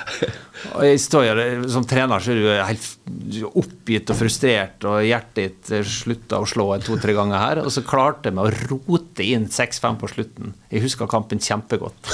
Han der Klinge baki her som pester plager, plage, han for jo framover og skjøt sikkert fire-fem ganger i mål. så jeg husker det veldig godt. Men eh, for å si det sånn, 6-5-kamper hater jeg. Men eh, Eh, jeg skjønner at det er underholdende for publikum, men jeg kan ikke holde på en trenergjerning sånn. Jeg liker at laget forsvarer seg godt, men jeg vil jo veldig gjerne at vi skal skåre mange mål da. Så, eh, så kombin der er nok viktigere. Og på heimebane, jeg er veldig sånn pragmatisk, på heimebane så vet jeg at det stilles litt krav til at vi må underholde. Vi må ut og ta tak i kampen og gjerne ta litt regi. Og så er ikke alltid nevna det, men det må være målet. På bortebane Vi skal ha med oss poeng. Det var litt sånn, Skal man bygge et lag, så må man sette en, den defensive strukturen er nesten må litt i førersetet før du begynner å tenke på finspillet fremover. Er, det noe i det, eller er det Ja, altså det, det var litt varierende. Noen jo, har jo lag som bare dundrer av gårde offensivt og er så overlegen at de bare vinner. Hvis du ser den som leder Obos nå, så er det fordi at de eh, knapt slipper inn mål. Fredrikstad. Og det er tufta på det. Um, det er jo det enkleste å ta tak i med en gang. Å få et lag som er vanskelig å møte, som slipper inn mindre mål. Fotballfaglig så er det enkleste. Det har vi prøvd å jobbe med. Men ikke et forsvarsspill der du bare ligger bak på mura igjen, men et forsvarsspill som er tør å stå høyere bane, som er i baner som tør å på en måte presse framover. Og tør å forsvare et visst bakrom. Uh, og så vil jo gi styre kamper, vil jo være offensivt ledende og underholde publikum. Men det tar jo litt mer tid å, å få til det som skal skape, istedenfor det som skal ødelegge. For Vinner du 6-5, så har ja, mye har gått bra, men det er mye som har gått gærent òg. ja, det har det, men det hadde aldri blitt 6-5 hvis det ikke var for han der eh, Jon Erik Klinge som stopper som raida fram. Da hadde vi sikkert vunnet 6-1. Og nå ser jeg Jon Eriksen, da er en barndomsvenn av meg. Eh, nå sitter han godt i stolen. Nå, nå høyser han seg opp litt. Um, under din spillende karriere tidlig 2000 under Ivar Morten Nordmark, hvor mye lærte du fotballfaglig, og hvor mye lærte du om livet av filosofen og romantikeren Ivar Morten Nordmark? Vi har vært litt innom det. Det er han som har påvirka meg definitivt mest. Som var den første treneren som veldig tydelig jobba med verdibasert eh, ledelse på oss. Og jeg husker, Det sitter prenta med uttrykk som en har. Vi skal være positive, engasjerte, entusiastiske. Vi skal være eh, stolt, vi skal være ærgjerrig. vi for, forvent ingenting, vær forberedt på alt. Enhver overraskelse skal være en positiv en. Altså, det er uttrykk som prenter inn på oss. Uh, det er en litt det som Klinge sier, og den, den filosofikeren og, og, kanskje fotballromantikeren. Da. Ja, ja. Uh, det engasjementet der blir på en måte litt sånn litt flåsete sagt, litt sånn Aune Sand-måte å snakke om fotball på. Ja, men snakke med hele følelsesregisteret. Han sa jo, han sa jo inn, mot, inn mot friperioder, så sa han Kos dere, spis godt, drikk godt, elsk mye. Ja, eh, men eh, det er ikke lov å drikke sprit på nachspiel. Grei huskeregel. Ja. Eh, hvordan har din spillerkarriere formet deg som trener? Hvem har du lært mest av? Dere har vi jo vært innom litt. Rann, De som har påvirka meg mest, er um, to trenere. Det er Ivar Morten Nordmark, eh, med tanke på eh, lederskapet som vi har vært innom. Og så Kjetil Rekdal har jeg hatt i fem år. Ehm, når jeg, var, jeg har tre titler som fotballspiller. Eh, to cupgull og et seriegull. Alle under Kjetil Rekdal. Og Unnskyld at jeg avbryter nå, men jeg må spørre. Hvordan føles det å skåre avgjørende straffesparket foran et det jeg antar var et stort sett mest oransje Ullevål? Ja, det er iallfall bak det målet vi skjøt mot. Nei, det er jo få forunt å få en sånn opplevelse, da. Så jeg, jeg Det blir litt sånn du kunne ha spilt kampen tusen ganger igjen. Du har aldri klart å, og komme til et ekstraomganger med en mann utvist, og dommeren gjorde feil, sånn at det gikk i vår favør. Og plutselig så, så endte opp med at OK, du skal stå der, skal skyte den siste straffa, og skårer du, så vinner laget, og bommer du, så går det videre. Og så skyter jeg en ball, og så går den stang inn, liksom. Så igjen, tilfeldigheter, men samtidig så velger jeg å tro at det var òg eh, en, en, en, en, tilbakebetaling for alt arbeid og alt, alt jeg har putta i fotballivet mitt eh, som fikk utløp den ene dagen. da. Hvis jeg ikke var tydelig nok på det, så var det fordi at du senka Molde. altså. Det, var, det, det, det, ja. det er jo allerede legendestatus. Ja, ja. det skal ikke være det, altså. Nei, det, det, er bra nok, det. Eh, vi må ha ei lita låt før vi tar en drømmeelver, og så har jeg en liten uh, overraskelse helt på slutten her som uh, kanskje tar noen litt på senga. Um, jeg tror Good Vibrations var Beach Boys, jeg. Men uh, den versjonen her er med Marky Mark and The Funky Bunch. Støtt podkasten Mørkeblått blod. Gå inn på Vips, søk opp KSU247 og velg å bli mørkeblå supporter. Alle bidrag går til mer innhold og mer podkast. Dette er ikke for å blow smoke, men uh, det er ikke noe vi kaster rundt oss. Men jeg tror, uh, jeg tror vi kan være se positivt på, på hvordan det går videre.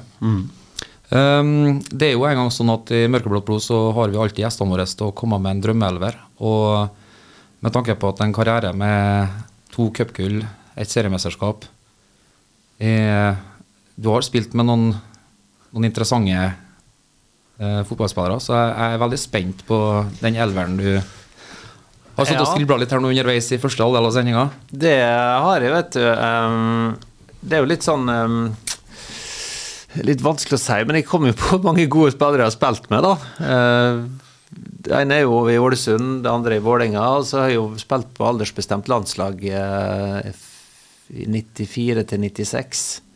Så det er noen spillere der òg. Men vi kan begynne. Ja, absolutt. Eh, Floor is yours. eh, la oss begynne på keeperplass, da. Eh, den var nokså enkel. Da eh, velger vi Anders Lindegård, Ja. som spilte i ÅFK og dro til Manchester United, den danske keeperen. Eh, rett og slett en flott personlighet. Leder. Utrolig mentalitet. Det var utrolig kult å ha han eh, på kampdag. Bare gikk inn i kampbobla si. Eh, det var en vinnerskalle, altså. Eh, ikke til forkleinelse for Lindegård, men det var en amerikansk keeper i AFK. Hva het han igjen? Edin Brown, The Edin Bear, Brown, ja. Den svære bjørnen der.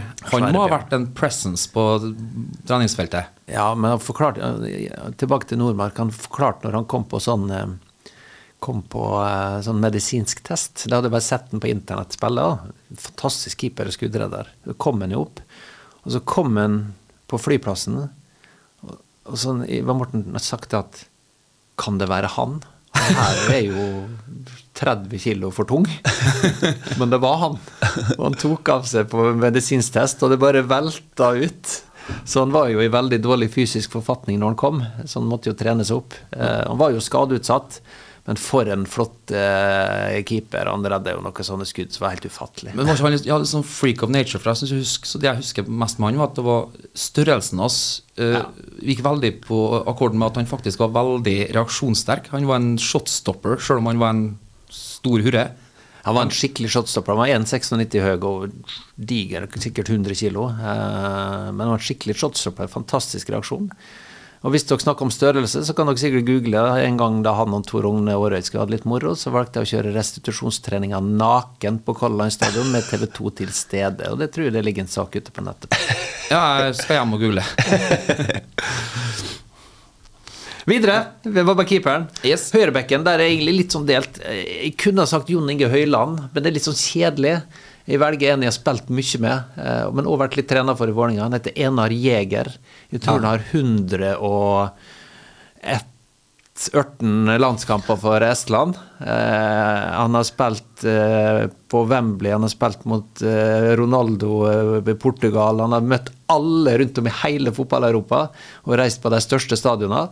I tillegg så har jeg fått spille med han i mange år. Det var en eh, bra fotballspiller. Han var en sånn ærlig evne. Du, du visste alltid hva du fikk det. Han var aldri en Ja. kjempedårlig kamp, aldri en sånn nødvendigvis en fantastisk god kamp, men det var alltid Han leverte. Ja, han leverte. Han var en eh, bra spiller og en fin person.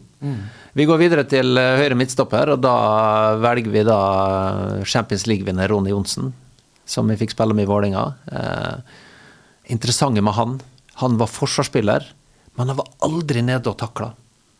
Han bare sprang opp folk. Han sto på beina, tok fra spissene ballen, uten å gå ned og takle. Men er ikke det de sier om de beste. Altså Maldini hadde, eller Baresi hadde aldri De hadde hvite shortser, men de var aldri flekka på dem, for de trengte ikke det. Skjønte aldri det, jeg. Vi var ofte nede på ræva av. Ja, du hadde en storebror takk takla, du, vet du, så du var skolert. Måtte nede der. Venstre stopper er en fin en. Eh, Han spilte med um, ett år i Vålerenga i 2005. Og da var han 19 år, og han fikk så mye kjeft av en Kjetil Rekdal. Eh, Men siden det så bygde han seg en utrolig flott karriere. Ragnar Klavan. Ja. Eh, Han spilte jo da i, først i Nederland, og så i Bundesliga. Og så for han da til Liverpool og fikk sine store greier der. Agenten der må ha fått en slags eh, Purple Heart eller noe for den jobben der. Det. Men igjen, en veldig bra fyr. Så møtte han igjen seinere, og igjen, du hilser veldig hjertelig på han når du møter han. Venstrebekken, den gir seg sjøl. Eh, det kunne vært naturlig med Jon Arne Riise, men det er ikke naturlig. Jeg velger min forlover og min veldig gode venn fra barndommen, Øyvind Gjerde. Han, Fint eh, etternavn. ja. Han, eh, til tross for, for dere at han har spilt på Molde, så har han også spilt på Ålesund og Åndalsnes og en liten tur innom Lillestrøm. Eh, Og en viktig grunn til at jeg drev med fotball. Han var en vi så opp til, han var året eldre enn meg. Eh, Han var bedre enn oss andre, så han var da ledestjerna i guttegjengen. Men siden det så har jeg blitt en veldig, veldig god venn. Jeg har også spilt med Øyvind Gjerde, men det er entreprenøren fra Kristiansund. Ja. Vi jobber oss videre på sentral midtbane. Vi jobber og spiller 4-3-3, da. Der kommer det en spiller som jeg så vidt har fått spille fotball sammen med. Han heter Kjetil Rekdal. Og han fikk jeg spille med, sammen med én gang. Og det var veldig spesielt. Jeg var blitt henta til Vålerenga eh, fra Ålesund. Og da var jeg kaptein i Ålesund på et opprykka lag, altså en eliteseriekaptein. Vi skulle dra på ei innendørsturnering i Tyskland, i Hamburg, og møte noen lag der. Og turneringa gikk på parkett. Det her var i januar, tidlig februar. Vålinga hadde en liten sånn tur ned der for å gjøre noe annet. Skal jeg da inn som nysignert spiller, inn og spille. Um, og det får jeg gjøre litt i begynnelsen. Helt til eh, jeg får beskjed på sida fra Kjetil Rekdal at og Kjetil Rekdal hadde lagt opp. Han spilte ikke lenger. Men den turneringa der, da skulle han spille. Så da sa han Shiri, Shiri, hør på meg nå. Um, når uh, vi skal forsvare oss, så spiller du. Så når vi vinner ballen, så spiller jeg ballen til han Boltoff, keeperen, og så kommer du og bytter med meg. så da, den nyinnhenta ankomne spilleren Hver gang vi fikk tak i ballen Jeg skulle jo forsvare meg, da, men han mente jeg var ikke god nok til vi skulle angripe, så da måtte jeg spille ballen til keeperen og bytte med han. Tydelig rollefordeling. Rollefordelinga si. Så jeg tenker på det sånn i ettertid, hvis jeg var trener og henta en spiller, eliteseriekaptein, og så gjort sånn, men ja, det hadde jo vært en litt spesiell behandling. Men jeg syns det var artig. Eh, Det viste jo bare Kjetil Rekdal eh, hva for en type det var, da. Han skulle jo vinne, han. Ja. Og han skulle jeg- vinne sjøl. Det er bedre at jeg skyter enn at du bommer. Ja. Er bedre at jeg angriper at du forsvarer. Vi jobber oss videre på eh, høyre indreløper, og der kommer det en jeg har spilt på landslag med. Det er Eirik Bakke. Han var jo den beste spilleren fra vårt, vårt kull, eh, som da drog til Leeds og fikk seg bra karriere der. Semifinale i Champions League, var det han Ja. Eh, vi flytta oss på venstre indreløper. Eh, der putta vi på Michael Berantes. Ja. Den kreative, offensive midtbanespilleren som eh, trengte bare noe løp foran seg, så fant han dem. Eh, det var en, kanskje den klokeste fotballspilleren jeg har spilt med, med tanke på å, å forstå rom og finne seg rom og kunne slå gjennombruddspasninger. Han var fantastisk. Han husker jeg. En søramerikaner som klarer å takle Nordvesten og likevel spille spillet sitt. Da får du, da får du mye. Det var jo et år der ÅFK ikke hadde spisser omtrent. Så løsninga hans på det var jo at jeg har ingen som klarer å springe bak der jeg kan slå deg, så jeg må begynne å skyte fra midtbane. så det var det farligste angrepsvåpenet til ÅFK. Men vi må videre på laget. Jeg nevnte at venstrebekken var eh, Øyvind Gjerde sin, men det betyr jo at eh, da må vi flytte han obvious venstrebekken opp et hakk. På venstre kant Jon Arne Riise. Han spilte med ÅFK i eh, 1997 og 1998 det var jo bare en forvokst guttunge som var dritgod å spille fotball, med et enormt instinkt på å vinne. Og et enormt instinkt på å, på å eh, slå tilbake når det gikk imot. Helt unikt. Som har tatt en, tok en dit han var som fotballspiller. Eh, så det var interessant å være med han, hva for eh, mentalitet han hadde. da. Det er vel årsaken til suksessen. Og når sånn, en surmaga Nils Arne Eggen sa at nei, det er bare tull at han skal være så ung til utlandet, Ja. Eh, da ga han svar på tiltale. Nettopp. Nei, han fikk jo en fantastisk karriere, og um, det, um, det skal vi hylle for. Fotballspilleren Jon Arne Riise. Absolutt. Barthes så ut som en geriatriker når han ramla ned mot den ballen som gikk i tvella stanga inn her. Ja. Vi må på høyrekanten, eh, og fordi at det ikke har plass til en på spissplass, så må jeg putte den på høyrekant, og det gjorde jo Andrillo av og til òg. Steffen Iversen. Ja. Uh, meget klok fotballspiller. Balltalent. Uh, limet i et Vålerenga-lag som tok gull i 2005. Og det ene er det sportslige, men det andre er liksom hvordan han binder garderobe sammen med, med folk. Eh, sosial kompetanse på høyt nivå. Vi eh, må på spissplassen, eh, og der sto det mellom to. Og Den ene heter Tor, den andre heter Tore. Og vi velger han som heter Tor, for han er størst. Og Han fikk ikke den beste karrieren, men det er han som har betydd mye for meg når jeg har spilt med den, Tor Hogne Aarøy. Ja. Eh, 2,03 høy. Eh, og jeg lærte meg å slå langpasninger, for å si det sånn, når jeg var midtstopper på Ålesund i mange år. Han, eh, han var det bare å løfte opp på, og så fikk du eh, flytta laget opp. Men, men han er en sånn type spiller som på en måte Du ser deg blind på størrelsen og target-evnene, men han, han var ganske slepen med ballen, han altså. Han var, var ok med ballen. Det lærte han når han var på interrail i Europa. men eh, ja, han kunne behandle ballen. Men etter hvert så ble jo han Han var ikke veldig god å heade, egentlig, men etter hvert så ble han en skikkelig bra hodespiller. Både i oppspill og, og ikke minst å, å ta imot lengre baller, men òg inn i boksen. da. Den som ikke fikk være med der, det er jo en spiller som når de spilte med han, ikke var så kjempegod, men som har hatt en utrolig fin karriere. Det er Tor André Flo. Ja. Ja. Så han putta jeg på benken, og da tippa jeg at Tor Hogne blir glad for Han hører det at han er før han, da. Uh, og så skal jeg ta med noen på benken som aspirerer med. Og nå skal jeg gå videre på keeperplassen, så må vi ha med oss Arne Gautor Arason. Ja. Jeg var jo en eh, veldig solid keeper. Uh, Rosenborg spilte med han i Vålinga da. Vi må ta med oss Magne Hoseth. Vi har med oss en nordmøring. Kristian Grindheim skal få være med. Vi trenger en som springer og er litt sur og grinete. Eh, Kjetil Wæler, forsvarsspilleren eh, over alle forsvarsspillere som jeg har spilt med. Han elsker å forsvare seg. Og så kommer det en liten tvikk. Jeg har spilt på kretslag òg, vet du, når jeg var ung. Og da var det en god spiller fra Kristiansund som var skikkelig bra den alderen. Og det er ikke du, Eirik Hoseth, hvis den skulle finne på å høre på. Stig Arild Råke. Åh, Det var spiller. jeg hadde den i gym. Eh, ja. Eh, jeg har spilt én kamp med da jeg var 14 år og skulle være De mangla keeper på juniorlaget og ble med inn på, på Sande stadion. Og jeg redda ei straffe og dro med oss en 1-1 innpå her. Når vi kom inn i garderoben etterpå, han bare dæven, for en keeper!' Så smeller det fra han treneren da, som vi hadde daglig. Faren til Øystein Hansen, Torbjørn Hansen, hvis han hører på. Da sier han bare ja, 'Han er ikke så god til vanlig', sjø. Takk for den. Men eh. Stig eh, var jo litt uheldig med skader. Ja. Eh, tok enorme steg når han for til Molde til å begynne med, her, men som du sier, skada Ja, men det var spiller. Han var venstrefot og slepen, og han, han, eh, han var en fin spiller. Og så var det en, en, en utrolig bra fyr. Ja. Positiv, fin fyr. Ja. Kjekt å være sammen med på, i den ungdomsalderen der. Vi møtte han forresten på stadion her, og forsto at han har begynt å dømme. Vi nevnte jo at han har vært inne på Anders S og dømt, blant annet, og bruker det som eh, trim. Ja. Kona sa vel det at uh, han hadde sett han dømme en kamp, og skjønte ikke at det var trim, forsto jo bare midtsirkelen. Han, ja. han holdt òg, sammen med et par andre, uh, det ene trenerkurset jeg har. ja. Grunnleggende Vi, vi snakker ikke om noe lisens til noe, Nei, nei, nei. Bare, bare innførsel. Ja. Så Stig Arild er en fin fyr, og det er helt rett. Um, Ta laget kunne ha spilt i Premier League. ja, ta laget der er Ta var ikke for Litt han der Øyvind Gjerde på venstrebekk, da. Mot eh, Ja, hvem er vi får på kant, kanten, da? Manchester City-kanten. Øyvind Gjerde sliter, da. Ja, han har kommet til å slette der, ja. Ja.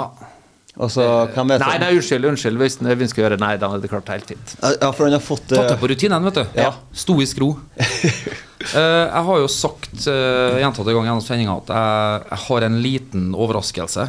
Uh, og ta her Uh, Jeg må først og fremst si at eh, du har nok en, eh, en eldre link til Kristiansund som kanskje har feida litt. Um, men jeg har eh, den gleden av å legge frem bevis nå på at en eh, ja, skal vi si 12-13 år gammel uh, Amund Shiri okay. eh, møtt og ble brevvenn med min nå forlovede Rita Olsen. Eh, og hun var ikke verre enn at hun for ned i kjelleren og henta frem eh, bilder Fra, så lytterne skal få Eller skal få det her på, på nettsida etter hvert. Men jeg må legge frem til navn. For ta, jeg, jeg fikk noen navn nå. eh, på noen av kompisene dine. Nå går jeg vekk fra mikrofonen. Det høres litt uproft ut, men jeg må legge dem frem for navn. Dette her blir utrolig spennende. Jeg tror jeg veit hvor vi skal hen nå. Sånn ish.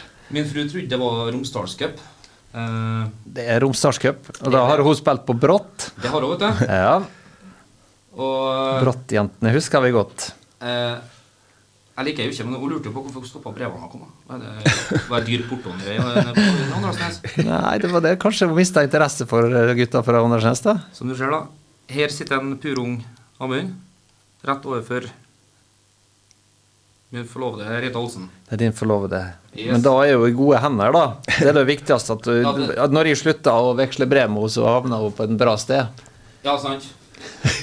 Godt sagt. Nei, men Det var utrolig artig. Det bildet bilde av meg sjøl i Romsdalscup i 1992, tror jeg. Så 15, da. Mm. 14 år er jeg der. Tenk å ha vært 14 år igjen, folkens. Ja. Jeg er usikker. Ikke i dag, men at det på en tida vi opprinnelig vokste opp, så kanskje, ja. Ja. Ja, Det sier utrolig takk for det. var utrolig stilig, altså. Ja, Det er jo en skatt for meg. da. siden, så Du har vel lagt den til? Jeg har ikke gjort det ennå, men jeg jobber med Ja, verden er liten. Verden er liten, det var det jeg skulle hatt planer om å innlede med, men som jeg glemte av. Det er It's a small world. Uh, vi, må, vi må snart begynne å avslutte, uh, men uh, det er jo sånn at vi, vi ønsker jo at uh, gjestene skal komme med en litt juicy historie. Uh, vi har jo fått flere her nå, sånn, sånn digresjonsmessig. Så vi, vi er kanskje litt grådige. Men har du ei, eh, ei lita ei om en Ivar Morten eller noe som har skjedd Nei, Ivar Morten Iversen skal få slippe på- meg nå. på en sånn reise. Iversen etter seriemesterskap 2005. Nei, det er altså Når han stakk av med det skiltet. Nei, jeg vet ikke. Vært på noen treningsleirer, sikkert. Nei, Jeg var jo blant annet i den famøse heisen da, der Kjetil Rekdal sto fast på gullfesten i 2005 i Oslo rådhus. Ja, han fikk et uh, lite breakdown der, Ja, han han. fikk et skikkelig breakdown. Han trodde han skulle dø. Han men det var en heis med altfor mange folk i. Sto jo ordføreren utafor. 'Det ordner seg, det ordner seg!' Det sto brannfolka og skulle åpne opp. Kjekt Rekdal sto i ett hjørne og klam, og uh, ingen fikk være i en meters Få meg til helvete ut herifra! Jeg husker det opptaket. Ja, og det som også var at Bernt Hulsker var jo i samme modus, bare at han gikk inn i skallet sitt og var livredd. Så han og, øh, gjemte seg jo i et hjørne. Så var vi en gjeng, da. Dosant og så og Kjetil Wæler og eh, som, som syntes det var artig å kødde. Og Kjetil Rekdal eh, husker- og, og han Ei som heter Elin Horn, som har vært daglig leder der eh, før, eh, var da samboer med han som var oppmann, heter Pål Engebretsen. Og de sto jo og fleipa, da. Og Kjetil Rekdal bare 'Pål, få der jævla kvinnfolket ditt til å holde kjeft!' inn heisen. Og Gjermund Østby, keepertreneren, han sto jo og flira og gapa. Han Kjetil 'Gjermund, Gjermund, hold kjeften din! Du bruker opp all lufta med å puste!' Til og med i en sånn angstanfall så kommer det noen gode meldinger.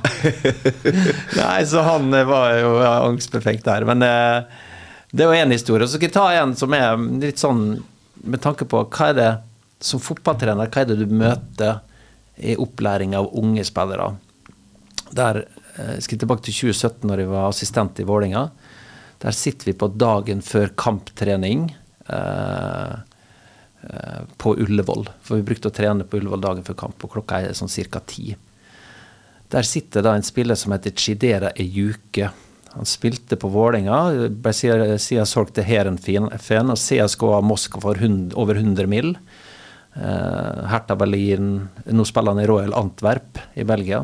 God fotballspiller, ble han. Han hadde vi henta på vinteren. Sitter han da rett før vi skulle ut og trene på Ullevål, og spiser noe. Og for å si det sånn, Han satt med hånda ned i en pose før han spiste og skulle ut og trene. Og så går vi bort og så sier han What the F is this? Og så bare ser han på oss. Breakfast, sa han. Og da satt han altså og spiste ostepop på Ullevål stadion før han skulle ut og trene siste økt for kamp. I garderoba. Hjørnestein Hjørnestein er ethvert næringsrikt måltid. En pose ostepop. Men det viser hva trenergjerning består av. Det handler om å, å lære opp unge spillere til å forstå hva som kreves for å bli toppfotballspiller. Han ble proff i den store fotballverdenen, men der og da så trodde han at det å spise ostepop når de skulle ut og trene dagen for kamp, det er tingen. For det, han har vært på butikken, ostepop, det var godt. Så det var god frokost. Han trengte litt færre ja-mennesker rundt seg. Han måtte ha noe som tok en litt i ørene. Men ostepop, det kan vi eh, spise, eh, vi som har slutta å spille fotball. Ja. Ja, helt riktig. Um, da går det mot veis ende. Vi, vi Ja. må runde av òg. Ja, vi må det. det her har vært uh, en høydare av en sending. Ja, det har vært fantastisk. Eh, ikke til forkleinelse til andre gjester vi hadde tidligere, men, uh, men dette har vært virkelig vi, Jeg føler i hvert fall vi har kommet nærmere og blitt mer kjent med, med Amund. Og vi gleder oss til hjemmekamp. Og vi gleder oss til at du tar en tur bort på Slåttlem corner og tar ei iskald sammen også. Ja da, vi håper at vi kan eh, vise oss fra ei god side. Endelig heimekamp igjen, som sagt. Så det mm, Vi jobber iallfall hardt for å få det til, skal dere vite. Og så håper vi at vi får vist det nå mot Koffa. Koffa er jo bra, Ja. det er de, men uh, vi er skal jogge med å være gode med òg. Det skal revanseres et forsmedelig tap nedi der, i hvert fall. Og Kristelig forening for unge menn skal få, få kjenne det. Ja. Uh, lykke til på lørdag. Takk for det, og takk for at jeg fikk komme og prate med dere. Jeg jobber jo som en fossi, men Ja, det altså, vi kan, er jo eh, bare hyggelig, det. Kan invitere deg igjen, vi. Det, vi, vi inviterer gjerne igjen, vi. Når kontrakten er skrevet, så tar vi en ny sending. Yes, det stemmer. Tusen takk for oss. Yes, ha det. Velkommen til Mørkeblått blod med Kjartan og Bjørnar! Mørkeblått blod. er En podkast på KSU247 om KBK og fotball. Mørkeblå